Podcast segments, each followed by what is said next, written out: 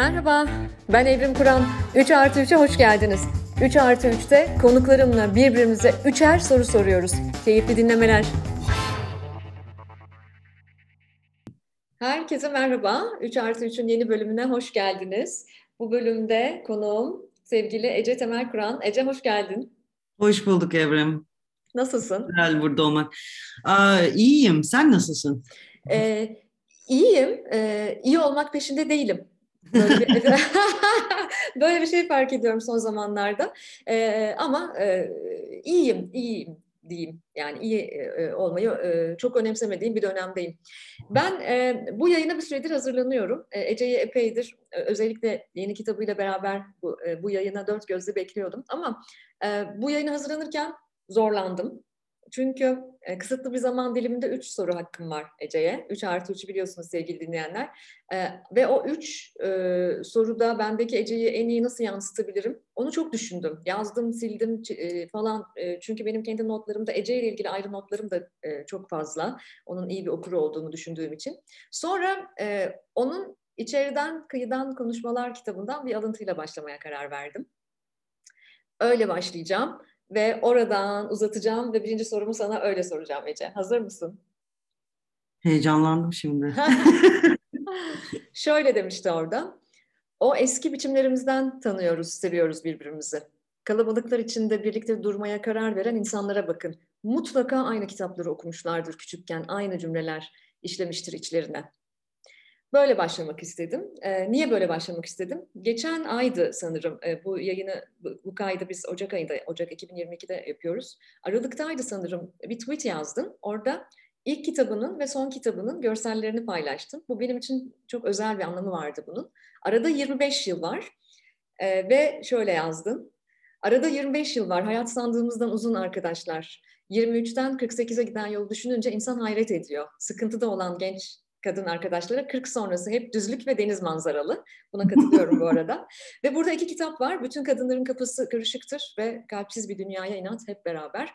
Bu iki kitap arasında 19 kitap daha var yanlış saymıyorsam ben. Doğrudur. Ben işte ilk soruma buradan başlayacağım. İlk kitapla başlayacağım. Benim için çok özel bir kitap. Çünkü 25 yıl önce okuduğum bir kitap. Kütüphanemde ikinci baskısı var. Yani o kadar e, ilk kapaklı, ilk kapağıyla e, çıkmış hali var bende. Geçenlerde aldım onu elime. 20 yıl önceki Evrim nelerin altını çizmiş. Ona baktım. Bütün kadınların kafası karışıktır da. Ve şu satırların, birazdan okuyacağım satırların altını 20 yaşındaki Evrim çizmemiş. Vay canına dedim. Ama şimdi 45 yaşındaki Evrim olarak onu çizdim ben. 20 yaşındayken çizmemişim onun altını. Nasıl çizebilirdim ki? Şöyle, bir gün bir anda bazı kızgınlıklarını unuttuğunun farkına varacaksın. Artık pek düşünmediğini, çünkü artık bildiğini anlayıp ellerini bir klarnet taksimi gibi uzatacaksın. Hala kafan karışık olacak ama artık bunu seveceksin, sevmelisin de.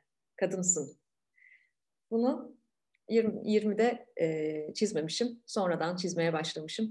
İlk sorum buradan geliyor. Bu kitapla başlamadan e, olmazdı benim için. Hala bütün kadınların kafasının karışık olduğunu düşünüyor musun?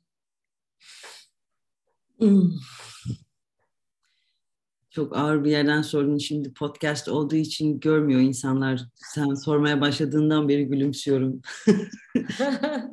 um, hayır, düşünmüyorum. Ee, o zaman zaten o zaman da düşünmüyordum. Bunu bana o kadar çok söylendi ki kafan çok karışık, kafan çok karışık diye biraz böyle bir tersine psikolojiyle koymuştum bütün kadının kafası karışıktır diye. O zaman da düşünmüyordum. Şimdi de e, düşünmüyorum ama giderek her şeyin berraklaştığını bir e, karmaşık ama büyülü bir zamanın geride kalırken hakikaten orada yazdığım gibi e, insanın kendine alıştığını artık biliyorum. İnsan kendine alışıyor ve başkalarını buna kendi karışıklığına eğer varsa öyle bir karışıklık nasıl alıştıracağını öğreniyor. Aslında o yüzden biraz e, 40'tan sonrası hep deniz manzaralı düzlük dedim. Hmm, öyle değil tabii ki deniz manzaralı düzlük falan değil. Hayat e, özellikle Türkiye'de doğmuşsan hiçbir zaman deniz manzaralı bir düzlük olmuyor. Ama e, şey e, kendinle olan ilişkin daha az hırpalayıcı hale geliyor. 20'ler hep bir iğneli fıçı gibi nereye yatsan oran acıyor. İşte 30'larda e, hep şey sorusu var başkaları gibi yaşamaya geç mi kaldım acaba sorusuyla geçiyor ve ben gibi yaşamak ne demektir bunu anlamaya çalışıyorsun ve 40'larda artık insan sanıyorum e, hayatının başlangıcına göre değil sonuna göre kerteriz almaya başlıyor. Bu yüzden de birazcık daha kafa rahatlıyor. E, kendinle kavgan azalıyor ve e, neyse ne artık malzeme bu. Değil mi? e, malzeme bu güzel bir şey. E, yeniden güzel bir yer yani. E, öyle. Şimdi öyle bir yerden açtın ki e, konuyu harika bir yerden açtın tabii ki. Ben de o 25 yılı düşünüyorum. Böyle 25 yıl deyince ne kadar korkunç geliyor. Hele 20 yıl yaşındaki bir kadın eğer mesela şimdi bunu dinliyorsa 25 yıl ne ya filan der. Hakikaten yani gerçek bir klişe olacak ama söyleyeyim göz açıp kapayıncaya kadar geçtiği gibi aynı zamanda bu benim hayatım mı diye de düşünüyor insan. Bazen şimdi Zagreb'teyim. Zagreb'te oturup 6 yıl önceki kendime bile hayret ediyorum biraz. Yani aa ne zaman oldu bütün bunlar? Ee, bazen işte böyle katıldığım panellerde falan benim biyografimi okuduklarında böyle yarı kes, yarıda kesmek istiyorum çünkü ihtiyarlıyorum gibi hissediyorum yani onu dinledikçe. Bütün bunları ben mi yaptım? Bütün bunlar oldu mu falan diye. Öyle. Ee, ben sana soru sorabilir miyim? Evet, şimdi sıra sende. Evet. Ee, bu yaşın e, bunu sormayı planlamıyordum ama şimdi sen konuyu buradan açtığın için böyle olacak. Ee, bu yaşın güzel tarafı ne? Kırklı yaşların. Senin için yani kadınlar için söylemiyorum. Senin için güzel tarafı ne? Aa, e, Çünkü hiç... insanlar şöyle bir şey söyleyeyim önce de 20 yaşındayken e, gerçekten 40 yaşındakilere biz teyze diyorduk yani. Hani birazcık da şey abla diyorduk biraz gö- genç gösterince falan. E, ve insan ihtiyarlandığını zannediyor gençken.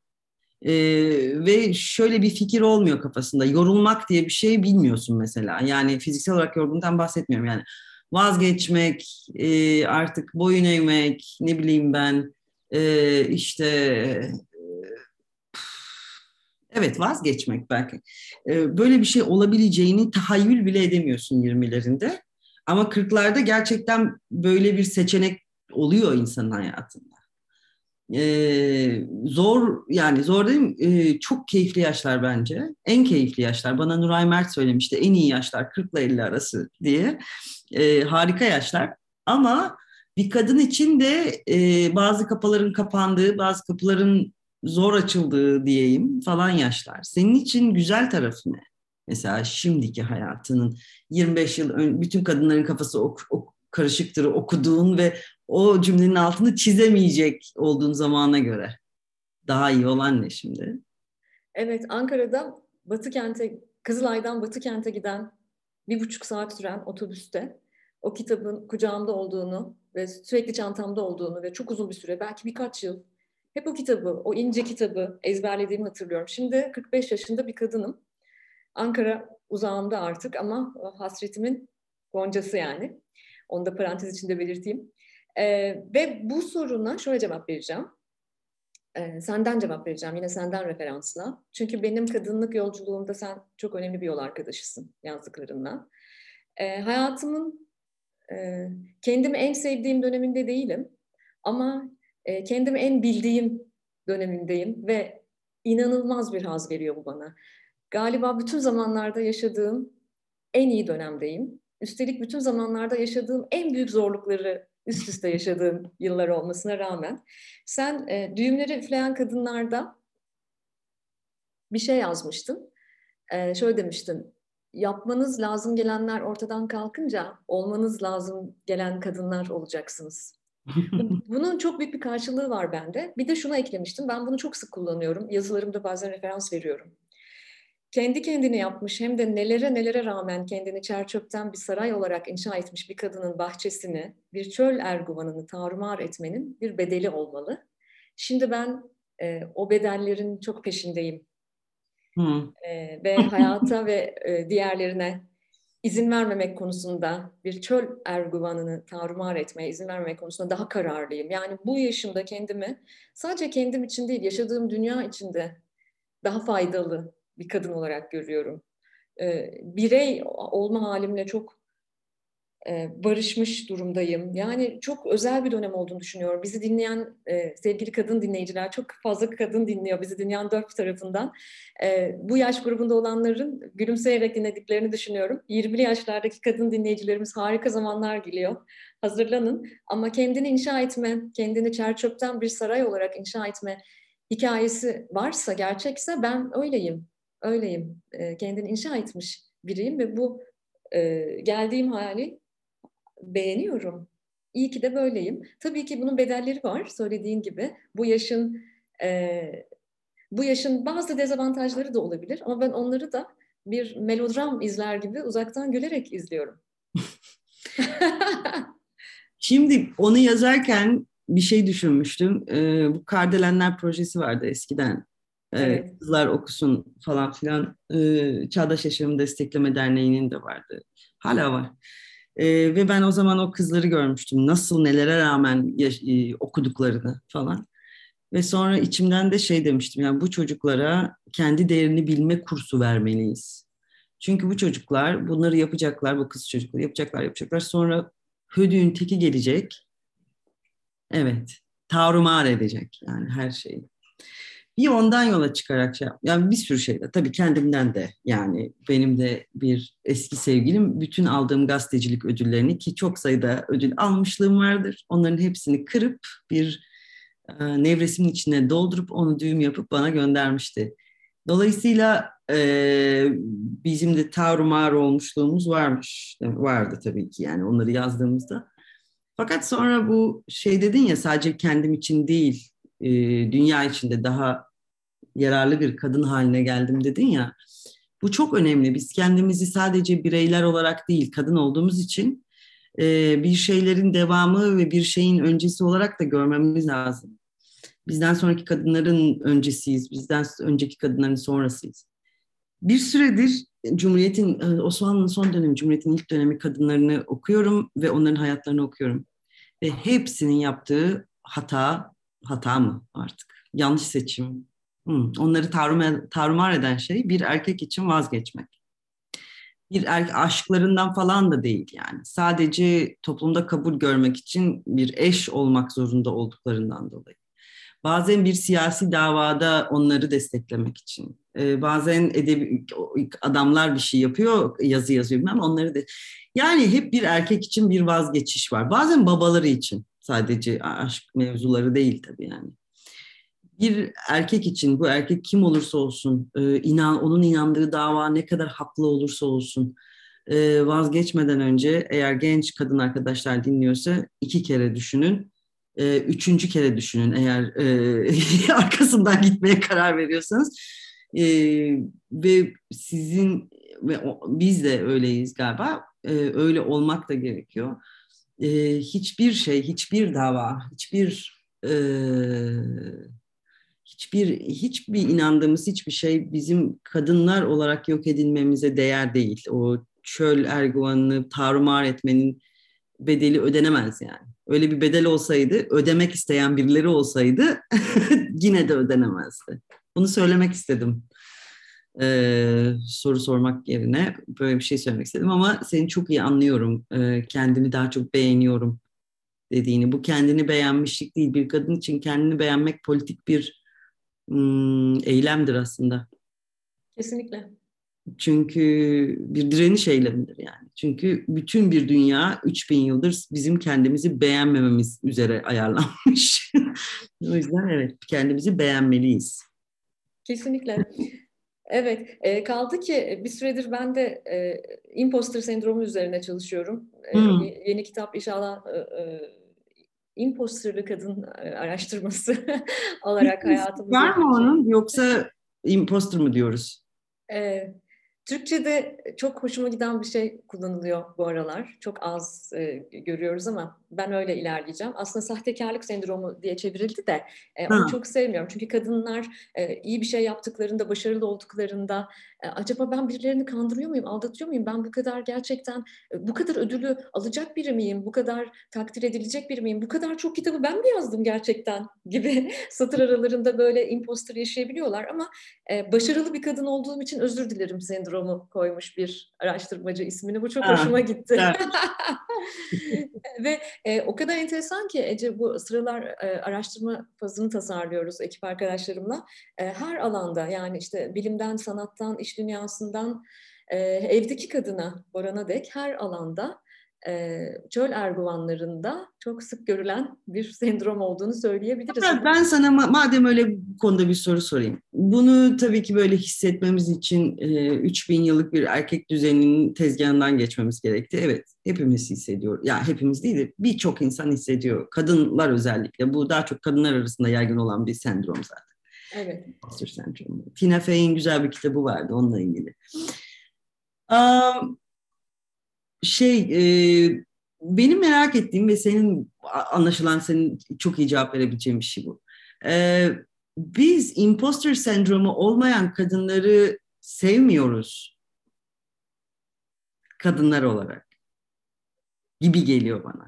Yani o başarılı olduğum için özür diliyorum demeyen kadını, öyle davranmayan kadını, ay bunların hepsini de ben yaptım, ne kadar da güzel yaptım diyen kadını, kadınlar pek sevmiyor gibi geliyor bana.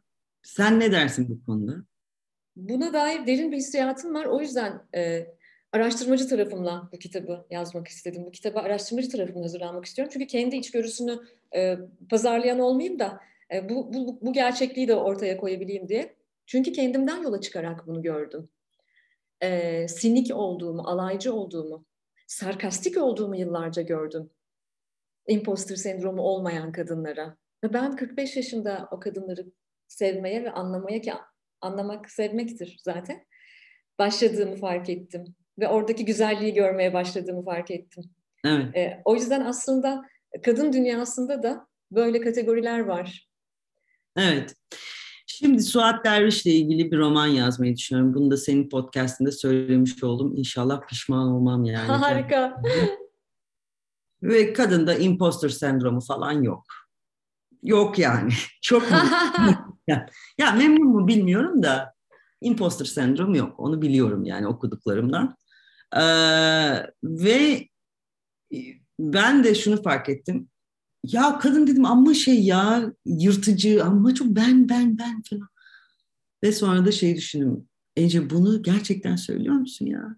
Gerçekten bunu söylüyor musun? Yani bir e, kendi başarısını sahiplenen ve kendi hayatını sahiplenen ki bu arada o da er, bir erkek iki kere bir babası bir de kocası için geri dönmüş bir kadın. Yaptığı her şeyi bırakmış falan. Ee, bunu söylediğime ben de inanamadım. Şimdi bu feminist hani bilinç bunlar 90'larda Ankara'da sen ben de sen yaştaydım bu arada muhtemelen yani sen senle aynı yaşta değiliz ama sen yaşlardaydım o kitabı yazdığımda. Ee, Ankara'da falan o zaman 90'larda bu işler yeni başlamıştı. Feminist bilinç yükseltme grupları falan filan. Yani bugün de vardır mutlaka bir yerlerde. İnsanların kendi içindeki e, o iğrenç erkek e, şeyini, baskıcı ve o karmaşık e, bulamaç haline gelmiş erkek ideolojisini gerçekten böyle nasıl diyeyim e, kemiklerden etleri ayırırlar ya tek tek öyle ayırmak gerekiyor yani. E, deconstruct etmeyi nedeni yapı sökümüne uğratmak gerekiyor. Hakikaten içimizdeki eril hikaye çok derine kaçmış durumda yani o kadar kolay ben feministim ve de hiçbir böyle bir kafamdan böyle şeyler geçmiyor diyenlerin diyenleri de dahil ederek söylüyorum. Ve kendimi de dahil ederek söylüyorum. Değil mi? Öyle değil mi yani? Kesinlikle. Kesinlikle. Zaten güzel bir şey yapmışsın böyle kendi şeyinden yola çıkarak yapmak çok güzel. Zaten her kitap biraz bence kendimizi iyileştirmek için yazdığımız şeyler yani daha iyi insanlar yapmak için. Değil mi? Bunu bütün kalbimle katılıyorum. Geçenlerde bir başka yazar dostuma da bunu söyledim. Canı acımayan yazabilir mi dedim yani. E, şifadır o, bir şifalanma sürecidir. Bize iyi gelen şey. E, böyledir, böyle gerekir. En azından benim gibi, senin gibi yazmakla şifalanan insanlar için böyle olduğuna eminim. Ve e, madem her kitaptan, e, her kitabın kendimize e, yaptığımız iyi bir şey olduğundan yola çıktık. Şimdi ben sana ikinci sorumu soracağım. Kısa bir süre önce heyecanla beklediğimiz Kalpsiz Bir Dünyaya İnat, onu parantez içine alıyorum. Hep beraber. Nasıl söylüyorsun kitabın ismini? Kalpsiz Bir Dünyaya İnat hep beraber mi diyorsun yoksa sadece hep beraber mi? Um, Türkçesini öyle söylüyorum. Kalpsiz bir dünyaya inat hep beraber diye. Çünkü e, yani o alt, üst, alt başlık olacaktı. Onu üst başlık yaptık bu yüzden. E, çünkü benim hoşuma gitti öyle demek. Yani bir cümle kurulmuş gibi oluyor. Hoşuma gitti. Öyle diyorum evet, Çok güzel, çok güzel bir isim var. Everest'ten, Everest yayınlarından çıktı çok kısa bir süre önce. Ve bence çok e, ihtiyacımız olan bir zamanda çıktı. Çünkü e, kitabın tanıtım yazısından alıntıyla e, Ece kitapta hep beraberdi. Her yerinden sökülen bir dünyada her şeye rağmen insana inanmanın büyüsüne dair bir manifesto sunuyor. Politik bir değişim için yeni bir ahlaki sözleşme öneriyor. Bu ifadeyi o kadar kuvvetli buldum ki. Ve orada şöyle kitapta şunu yazmışsın. Durmadan maruz kaldığımız bu kötülük ve bayağılık karnavalı, burayla acayip ilgiliyim, bayağılık karnavalı, er ya da geç tehlikeli bir fikre kapılmamıza neden oluyor. İnsan özünde çürümüş bir varlık mı? Böyle yazmışsın kitapta. Ben yine e, sana senin sorunu sormak isterim. E, çok etkileyici bir kitap bu arada. Ellerine sağlık, fikrine, Aa. kalbine sağlık. Aa. İnsan özünde çürümüş bir varlık mı? Çünkü ben bugünlerde Ece ben yoksa yeterince insanları sevmiyor muyum diye iç konuşmalar yapıyorum kendimle. Tıpkı senin ben acaba ben de mi böyleyim, ben de mi insanlara sarkastik, sinik davranıyorum falan filan demen gibi. Ben de işte bu bir ülke nasıl kaybedilir, Türkçe'de yayınlanmadı, How to Lose a Country yazdıktan sonra hakikaten böyle düşünmeye başladım. Belki de ben artık insanları sevmiyorum. Ve sırf kendi kendime son kez bu konuyu kafamda halletmek için bu kitabı yazmaya başladım. Tabii yazma süreci başka şeyleri de kapsıyor ama başlangıcı yani ilk çekirdeğinin atıldığı zaman gerçekten şeydi yani iki yıl boyunca dünyanın her yerinde faşizmle ilgili konuşmalar yapmışım. İşte bu çağın nasıl her yerinden söküldüğüyle ilgili, insanların ne hale geldiğiyle ilgili falan ve kendi kendime de inanmaya başladım yani çıkış yok. Tamam bitti bu iş. Yani sadece Türkiye için söylemiyorum. Bütün dünya için. Bitti bu iş. Yani falan gibi bir yere geldim gerçekten. Fakat oraya gelince e, insan insan olma fonksiyonunu yitirmeye başlıyor. O zaman neden ben bir şey yazayım ki? Ee, veyahut da neden kalkıp kendime kahvaltı hazırlayayım ki de var bunun içinde yani. Hiçbir şey yok. Neden bir arkadaşım olsun ki de? Yani hiçbir şeyin anlamı kalmadığı bir yere gittim gerçekten. Ee, çünkü dünyadaki şeyler gerçekten daha önce dünyanın başına benzerleri gelmiş e, ve benzerleri hiç sonuç iyi sonuçlanmamış bir e, dönem. Yani işte 30'ları söylüyoruz faşizmin yükseldiği zamanları, Dünya Savaşı'nın çıktığı zamanları falan filan. Ama bu ondan çok daha korkunç bir şey. Çünkü bu sefer o kadar e, örgütlü siyasi mücadele verecek insan yok o zamanki gibi falan filan. Neyse sonuç olarak öyle bir yerdeydim ve e, kendi kendime insan çürümüş bir varlık değildir ispatlamak için ve duygusal olmayan bir şekilde ispatlamak için. Çünkü ben bunu duygu düzeyinde yapabilirim. Yani o kadar güzel şeyler yazabilirim ki siz insanlara aşık olabilirsiniz. Ama o değil yani. Gerçekten bir akıl yürütmeyle, akılla bunu ispatlamam lazım kendime ki hayata devam edebileyim. Hem kişi olarak hem yazar olarak diye düşündüğüm için başladım ve zaman zaman özellikle 1940'larda, 30'larda, 40'larda insanlar bizim geçtiğimiz bu Zeitgeist'a benzeyen, bu bizim yaşadığımız zamanın ruhuna benzeyen ruh durumlarından geçmişler kolektif olarak.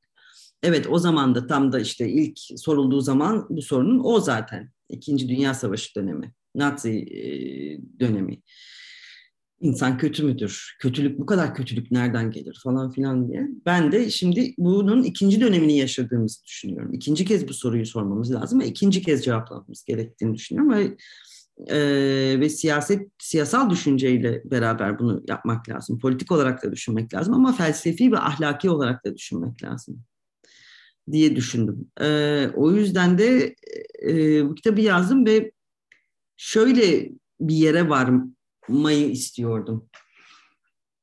Çok güzel bir film var The Last Illusion diye 1949'da çekilmiş bir Alman, Alman bir entelektüel Los Angeles'a gidiyor işte şey Yahudi e, orada yaşamış yani ve bütün her şey bittikten sonra İkinci Dünya Savaşı'ndan sonra Berlin'e dönüyor. İşte filminden de anlaşılır, isminden de anlaşılacağı gibi son illüzyonun kaybolduğu bir şey yaşıyor. Fakat gitmeden önce arkadaşları, diğer Yahudi arkadaşları, akademisyenler ona diyorlar ki oraya gitme, orada herkes yam yam, öyle düşünmüyor musun?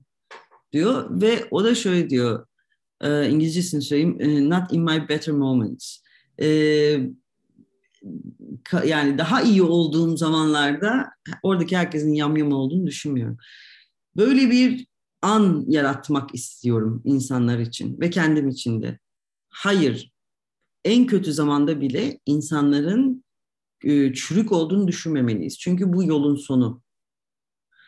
Bu e, bazen insanlar hakikaten hep birlikte çürüyebilirler. Etrafımızdaki insanlar, bir toplumun içindeki bütün insanlar. Öyle olduğunu düşünebiliriz. Ama bununla devam edilemez. Ve hayat devam etmekse eğer, ki ben öyle olduğunu düşünüyorum, hayat devam etmektir.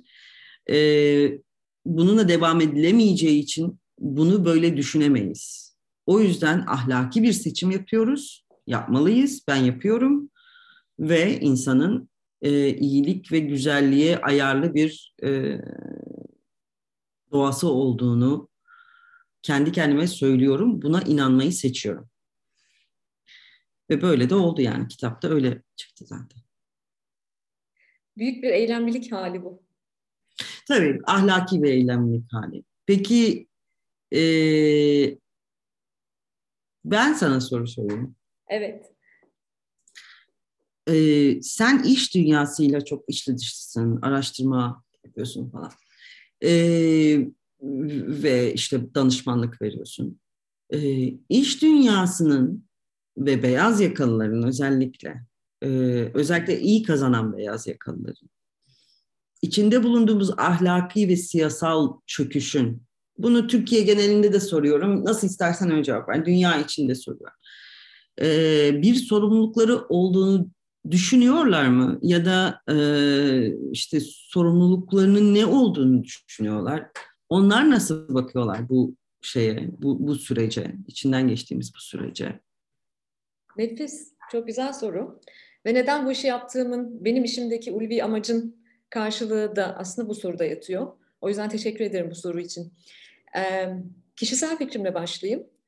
İçinde bulunduğumuz bu korkunç vasatlıkta, bu ahlaki çöküşte, bütün bunların içerisinde tabii ki plazalar dünyasının, iş yaşantısının, vahşi kapitalizmin dişlilerinin arasında bütün yeteneklerini ezmiş insanların büyük bir sorumluluğu var. Ben de dahilimdir buna geçmiş dönemlerde. Ee, masanın öbür tarafında bir beyaz yakalı olarak çalıştığım yıllarda ben de buna hizmet etmişimdir. Sonra bende şöyle bir şöyle bir şey oluştu. Evet ben e, masanın bu tarafına geçeceğim e, ve bu sistemden çıkacağım ama e, ticari hayatımı bu bir ulvi amaçla birleştirip belki iş dünyasının e, bazı konuları hatırlatabilirim. Mesela teknolojinin insan için olduğunu hatırlatabilirim. Mesela e, mesela kar maksimizasyonunun aslında fayda maksimizasyonuna evrilebileceğini hatırlatabilirim gibi.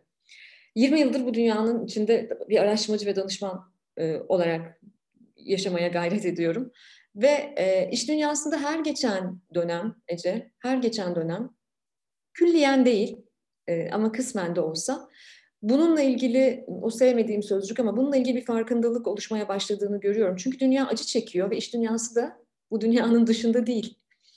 İş dünyası ne zaman ki bedel ödemeye başladı, yani çok kıymetli insanları, bilhassa Türkiye'de ve bizimki gibi gelişmekte olan ekonomilerde iş dünyası ne zaman ki bu bedelleri fazla ödemeye başladı, o zaman insanın iş dünyasındaki insanın rönesansına bir işaret çakıldı bence. Şu anda insan konusu, şu anda felsefe, şu anda sosyoloji, antropoloji, anlam arayışı çok fazlaca konuşulur oldu iş dünyasında.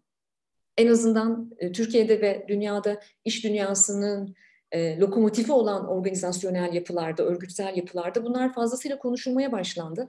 Ve bundan tatmin oluyorum bir, bir şekilde. Çünkü konuşulmadığı yıllardan geliyoruz. Şimdi biz bunları konuşuyoruz. Ve bu bana çok anlamlı geliyor. Şimdi mesela organizasyonların içerisinde çeşitlilik, kapsayıcılık, hakkaniyet, eşitlikten ziyade hakkaniyet gibi kavramları tartışmaya başladık Ece. Daha az avantajlı olanları e, nasıl destekleyebileceğini iş dünyası artık bunları konuşmaya başladı. Çünkü iş dünyası da artık hayatta kalabilmek ve sürdürülebilirlik için bir ulvi amaca ihtiyacı olduğunu fark etmeye başladı. Hepsi öyle mi? Hayır değil. Özellikle Türkiye gibi kırılgan ekonomilerde e, Alice Harikalar Diyarı'nda değil yani. Ama ben iyi bir yere doğru gittiğimizi düşünüyorum ve bundan sonraki kuşaklara e, biraz daha e, insana yakışır bir iş yaşantısı bırakabileceğimizi düşünüyorum. Bunun en büyük, en güzel göstergesi de iş yapma biçimlerinin değişiyor olması. O yüzden pandemiye müteşekkirim de ayrıca. Benim 20 hmm. yıldır iş dünyasını anlatmaya çalıştığım şeyleri 15 günde tak diye gösterebildiğim için. Böyle bir dünyada mümkün. Bu şekilde çalışabilmek de mümkün. Ee, jonglör kuşak derim ben gençlere. Ee, bir yandan edebiyatla, bir yandan sanatla, bir yandan bilimle, bir yandan ticari hayatla ilgilenebilirken hayatın türlü zenginliklerini, e, topları yere düşürmeden havada tutmak e, tutmakta iyi olan ve bundan da keyif alan ama iş dünyası bütün bunlara izin vermiyordu. Şimdi biz bu anlam arayışını konuşuyoruz. İşin anlamı ne? Benim de e, birlikte çalıştığım şirketlere yaptığım araştırmalarda göstermeye çalıştığım şey bu. Bir zamanlar çok güvendiğiniz o dünya markası haliniz yeterince anlam ifade etmiyor olabilir bugünün dünyasında. Yani 20. yüzyılda sizi çok başarılı kılmış olan şey, 20. yüzyılda tam da o şey sizi çok başarısız kılabilir. O yüzden iş dünyasının anladığı dilden e, konuşmaya çalışıyorum. E, bu jenerasyona da o yüzden çok bel bağlıyorum. Onların da tetiklemesi ve dünyada olan pek çok olayın da tetiklemesiyle e, zaten bu gündeme geldi. Şimdi bu anlam sözcüğü enteresan. Çünkü hani hem hep beraber de hem How to Lose a Country'de söylemeye çalıştığım şeylerden bir tanesi buydu. Bu sistem şundan çöküyor. Çünkü anlamı yok. Yani kapitalizmin son krizini yaşıyoruz ve tek yani tek değil ama en önemli nedeni bu. Anlam yok. Çünkü kapitalist sistemin bir hikayesi yok. Yani ne? Buradaki iyi adam kim? Kapitalist sistemdeki iyi adam, rol model kim? Elon Musk mı mesela? Elon Musk'la arkadaş olmak ister misin? Hayır istemezsin. Çünkü berbat bir adam. Veya Mark Zuckerberg mi? Arkadaş olmak Hayır istemezsin. Sevgili olduğunu düşün Mark Zuckerberg'la. Aman yarabbi yani. Ece bir parantez açabilir miyim? Ben evet. E, İstanbul'da bir üniversitede, e, MEF Üniversitesi'nde Diversity, Equity, Inclusion dersi veriyorum. Geçenlerde birkaç hafta önce öğrencilerime Elon Musk'la e, arkadaş olmak ister misiniz? Onunla çalışmak ister misiniz? Kızlara onunla sevgili olmak ister misiniz diye sordum ve aldığım yanıtlar beni acayip mutlu etti. Genellikle hayır hayır dediler. ya çünkü çok insana ters bir şey. Şimdi hepimiz 5-6 yaşına kadar ya da ilkokul ilkokulun sonuna kadar falan hep şunla büyütülüyoruz. Ya da ilkokula kadar değil. İşte arkadaşınla paylaş, birisi ağlarsa ona iyi davran, sev onu falan bilmem ne.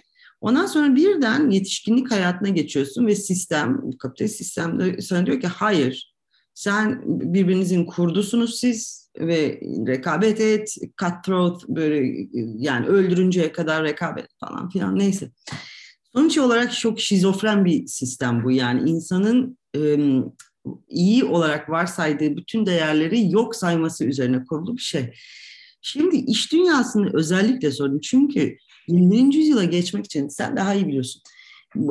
Bir anlam koymaları gerekiyor ortaya. Ama sadece bir anlam değil, aynı zamanda emeğin de karar alma sürecine katılmasını sağlaması gerekiyor. Ve paylaşması gerekiyor karı yani. Bu şimdi bu iş dünyası diyoruz işte zenginler diyelim, kapitalistler diyelim neyse. Zannediyorlar ki hani iki üç tane sosyal sorumluluk projesi yapınca, iki üç tane ağaç dikince bu iş hallolacak. Öyle bir şey değil. Kapitalizm gerçekten yıkılıyor. Çünkü sürdürülemez hale geldi. Bunu ben söylemiyorum, kapitalistlerin kendisi söylüyor. ee, ve e, bunu e, transformasyona uğraması gerekiyor bu transformasyonun da e, işte iki üç tane köy çocuğu okutmak, üç ağaç dikmekle olmayacak çok açık. E, şimdi burada iki tane tepki var. Birincisi madem her şey berbat o zaman kendimize uzay araçları ya da ne e, yapalım buradan gidelim veyahut da işte neyse dünyanın bir yerinde bir kendimize bir şey, böyle bunker ne denir ona bir sığınak yapalım süper sığınaklar falan ki yapıyorlar. İkincisi de e, yetersiz olmakla birlikte senin dediğin şey işte yani tamam bir şey değiştirmemiz gerekiyor belli ki. Ama o bir şey şey değil yani kenarda sistemin kenarındaki bir şey değil sistemin ta özündeki bir şeyi değiştirmemiz gerekiyor. Ya bu öyle böyle olacak. İnşallah iyi bir şekilde olur yani ama öyle çok barışçıl bir şekilde olacakmış gibi de durmuyor. Keşke öyle olsa. Ben de öyle olmasını tabii ki diliyorum ve öyle olması için konuşmalar yapıyorum vesaire işte yazar yazıyorum.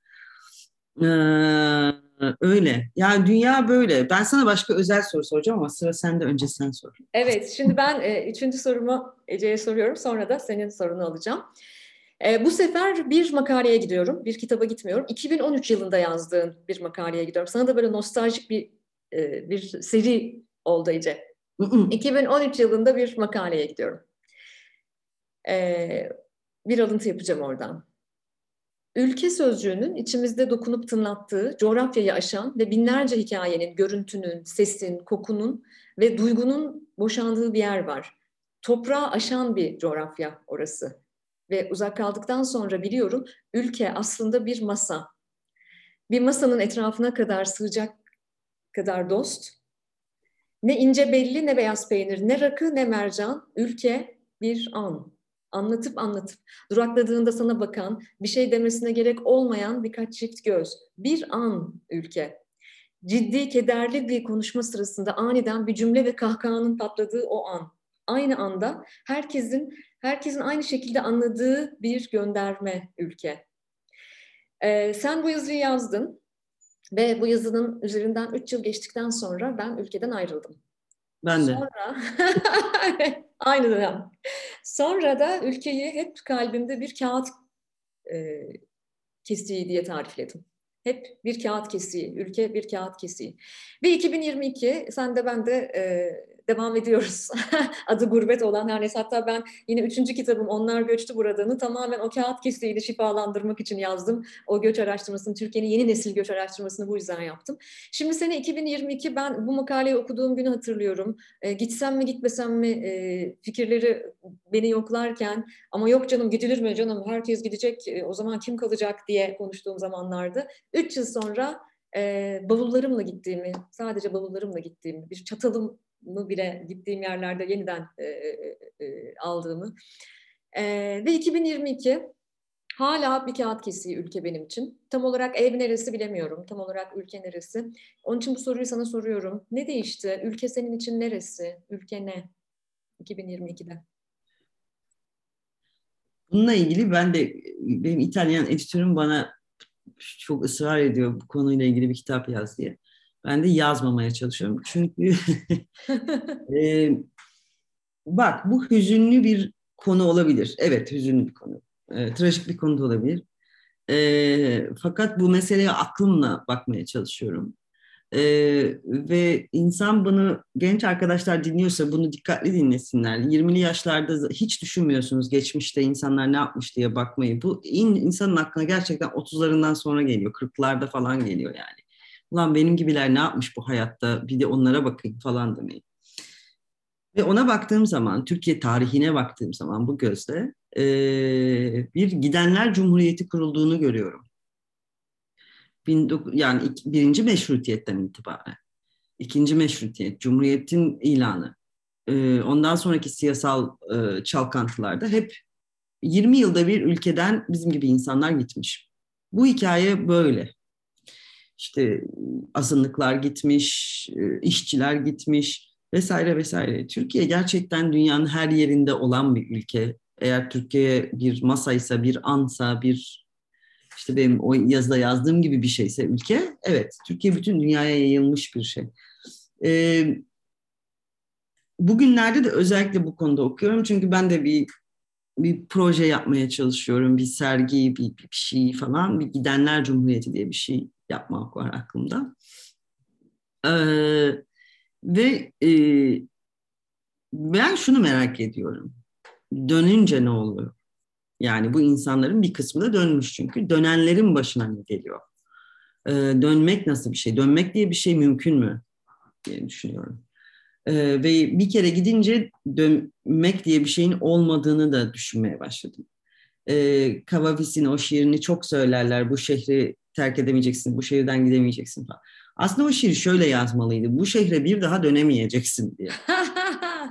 Harika. Bir kere gidince gitmek ya ve kalınca uzun süre falan filan e, döndüğün yer asla bıraktığın yer olmadığı gibi sen artık aynı insan değilsin. Kesinlikle değilsin. E, dolayısıyla e, bu gitme meselesi çetrefilli bir mesele benim için. Bir yandan hiç gitmemiş gibi hissediyorum. Bir yandan çoktan gitmişim gibi hissediyorum. Bir yandan ülkede olup da kendi içine gitmiş olanlar var. İç göç, gerçek anlamda içine göç yapmış olanlar var. Bir çok sayıları çok fazla gibi geliyor bana. Ee, ülke benim için böyle karmaşık bir mesele haline geldi. Öte yandan şunu da düşünüyorum. Evet e, ulus devletler olmadan önce, pasaportlar, vizeler olmadan önce. Bu arada pasaport, vize bunlar çok yani yeni kavramlar. Bunlar çok yakın zamanda icat edilmiş şeyler. Hele vize iyice yeni. Acaba gitmek aynı şey miydi yani? Hani o e, Odise aynı mıydı? O büyük yolculuğa çıkmak. Ama bir yandan da şöyle düşünüyorum. E, ben hep yoldaydım. Hep ama yani 17 yaşım, 18 yaşımdan itibaren yola çıkma yaşım geldiği günden itibaren hep yoldaydım. İşte önce Ankara sonra İstanbul, arada Oxford, Tunus, Beyrut, Paris bilmem ne falan işte şimdi Zagreb.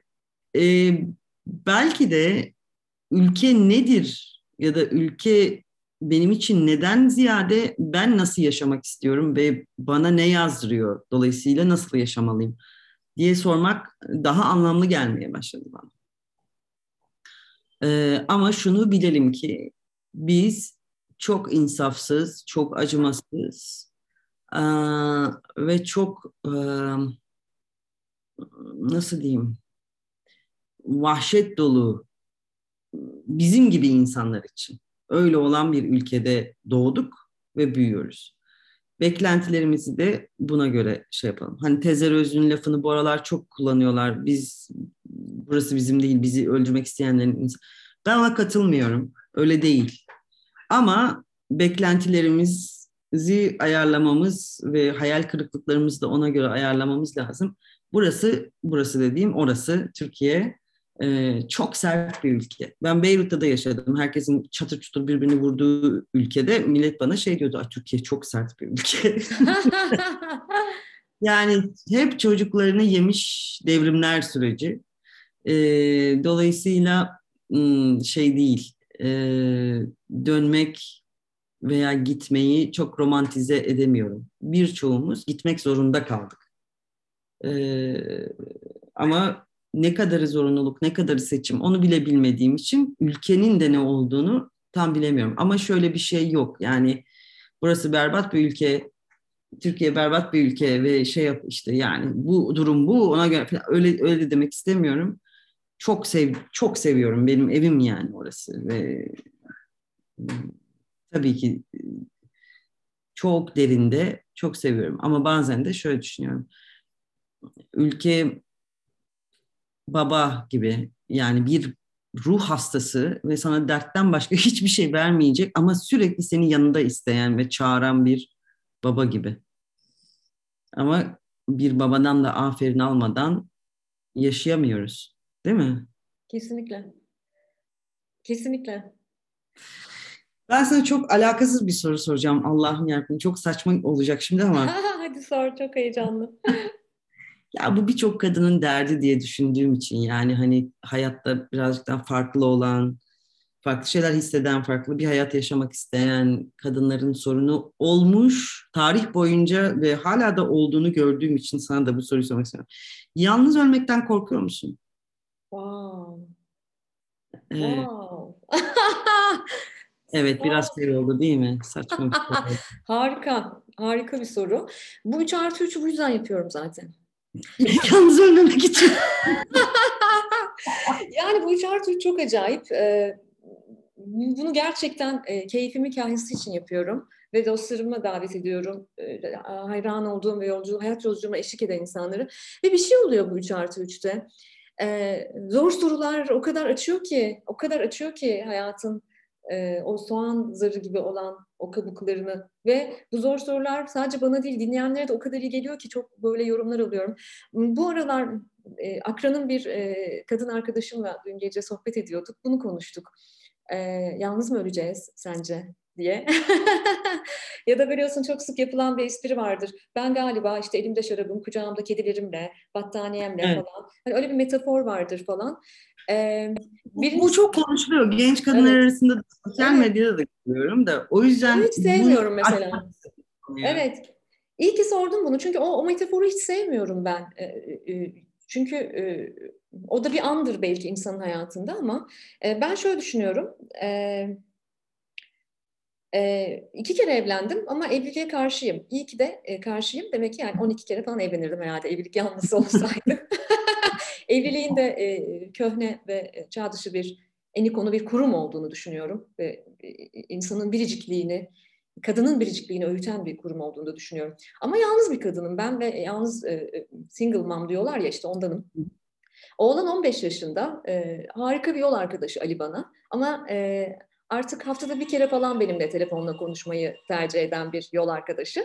E, dolayısıyla bir e, mutlak bir yalnızlığa doğru e, gittiğimi söyleyebiliriz. Ama ben ölmekten korkmuyorum. Yalnız ölmekten de hiç korkmuyorum.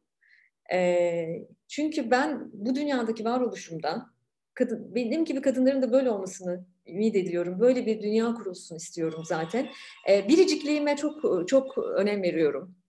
E, ve e, her türlü apoleti ve özellikle e, statü kaygısıyla kurulan her türlü ilişkiyi reddettiğim için e, bir bröve diye taşırım yalnız ölmeyi.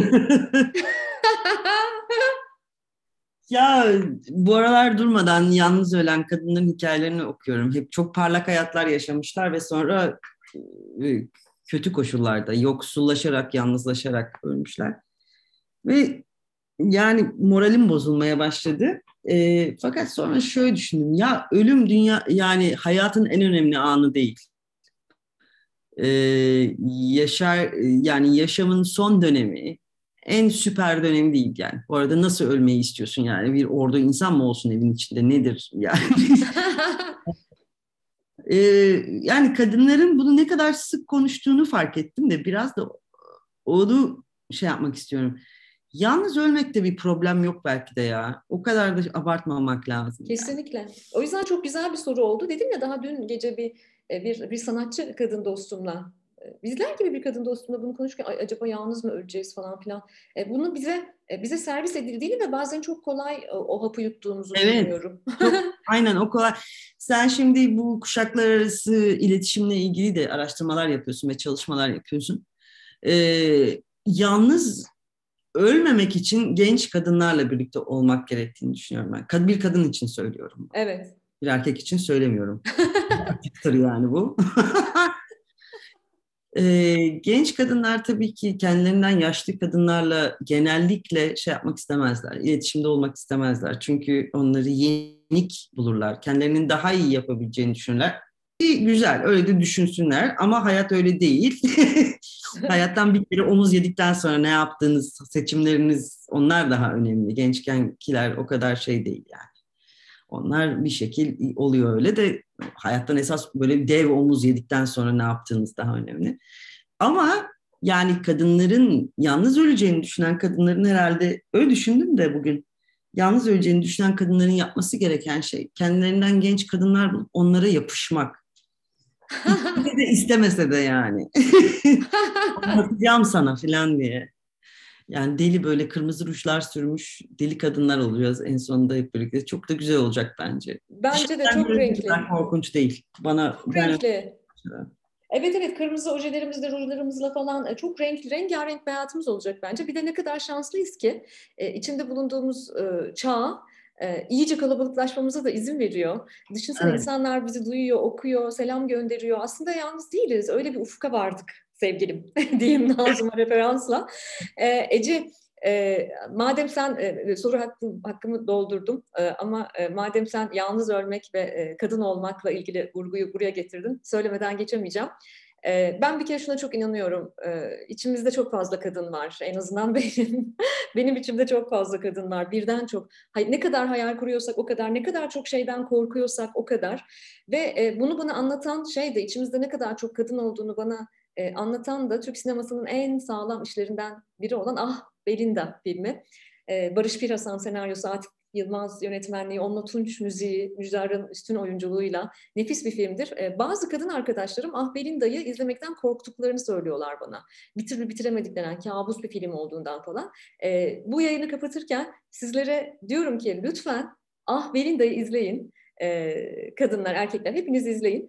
Yıllar önce Ece o filmle ilgili şöyle bir şey yazmıştı. Ece hatırlar mısın bilmiyorum. Hayır hatırlamıyorum. Şimdi de dinleyelim. ya, çok düşündüğüm bir filmdir. Kesin yazmışımdır evet ama evet. acaba? evet çünkü film çok enteresan. Ee, iki ayrı kadın kimliğinde film boyunca bir izlemeyenler, izlemekten korkanlar için.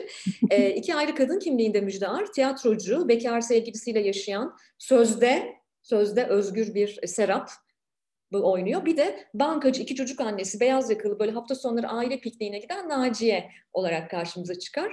Ee, bu arada ben mesela nefret ederim pikniğe gitmekten. Yani piknik benim için korkunç bir metafordur her zaman. Sanırım filmin bende etkisi yani küçüklüğümden beri yüzlerce izledim. O piknik bünyemde bıraktığı bir etkidir Ah Berinda'nın. Ee, ve benim gerçekten çocukluğumun ve ilk gençliğimin de kabusudur. Ben e, Naciye olmayacağım isyanı. E, ben Naciye olmayacağım, Naciye olmayacağım, Naciye olmayacağım. Ama Serap da bana çok tatlı gelmez falan. Film aktıkça aslında Serap'ın da Naciye'nin de benzer kadınlar olduğunu, sadece farklı iklimlerde büyüdüğünü görürsünüz. Ee, yıllar önce Ece bu filmle ilgili şöyle bir şey yazmıştı. Her eğitimli genç kadının kalbinde bir ah Belinda kabusu yaşar. Bütün hayat bu kabusa kıstırılmamak için harcanır. Her gün o evlerin hayatı üzerine örtecek, nefes alamayacaksın korkusuyla daha çok çalışılır. Erkekler belki daha çok para kazanmak, daha başarılı olmak için çalışır ama kızlar lisede derslerine de iş yerindeki ödevlerine de bunun için daha çok çalışır. Ele geçirilmemek için hırçınsak bu yüzden işte bu yüzden 45. yaşımı çok sevdim. Ah Belinda kabusum bitti. Naci olmayacağım diye diye. yazmışım. Şimdi evet. aynı düşünüyorum. Ben de o zaman bir şey önereyim. Sen bir film önerdin. Ben de kitap önereyim. Aynı tamam. içimizdeki kalabalık kadın. Maalesef e, şeyi e, yani kadın değil yazarı Aziz Nesin'in Tatlı Betüş kitabını çok öneririm. Çünkü o da e, Türkan Şoray'da filmini oynamıştı galiba onun.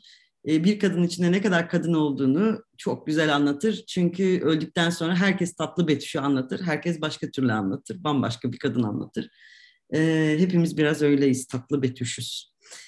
Ne güzel. İyi ki geldin Ece. Çok teşekkür çok ediyorum. Teşekkür ederim. Harikaydı. Ben e, çok keyif aldım. Umarım dinleyenler de keyif almıştır. E, ve iyi ki varsın. Sen de iyi ki varsın ve tabii ki çok özel ve kişisel bir teşekkürüm de 25 yıldır yol arkadaşımsın yazdıklarınla. Kadınlık halimde e, çok parmak izin var. Ve bu konuda yalnız olmadığıma eminim. Yüz binlerce kadında parmak izin olduğuna eminim. Yalnız ölmen mümkün değil yani. bilemezsin, bilemezsin. çok, teşekkür ediyorum. Görüşmek dileğiyle inşallah. Sağ olasın.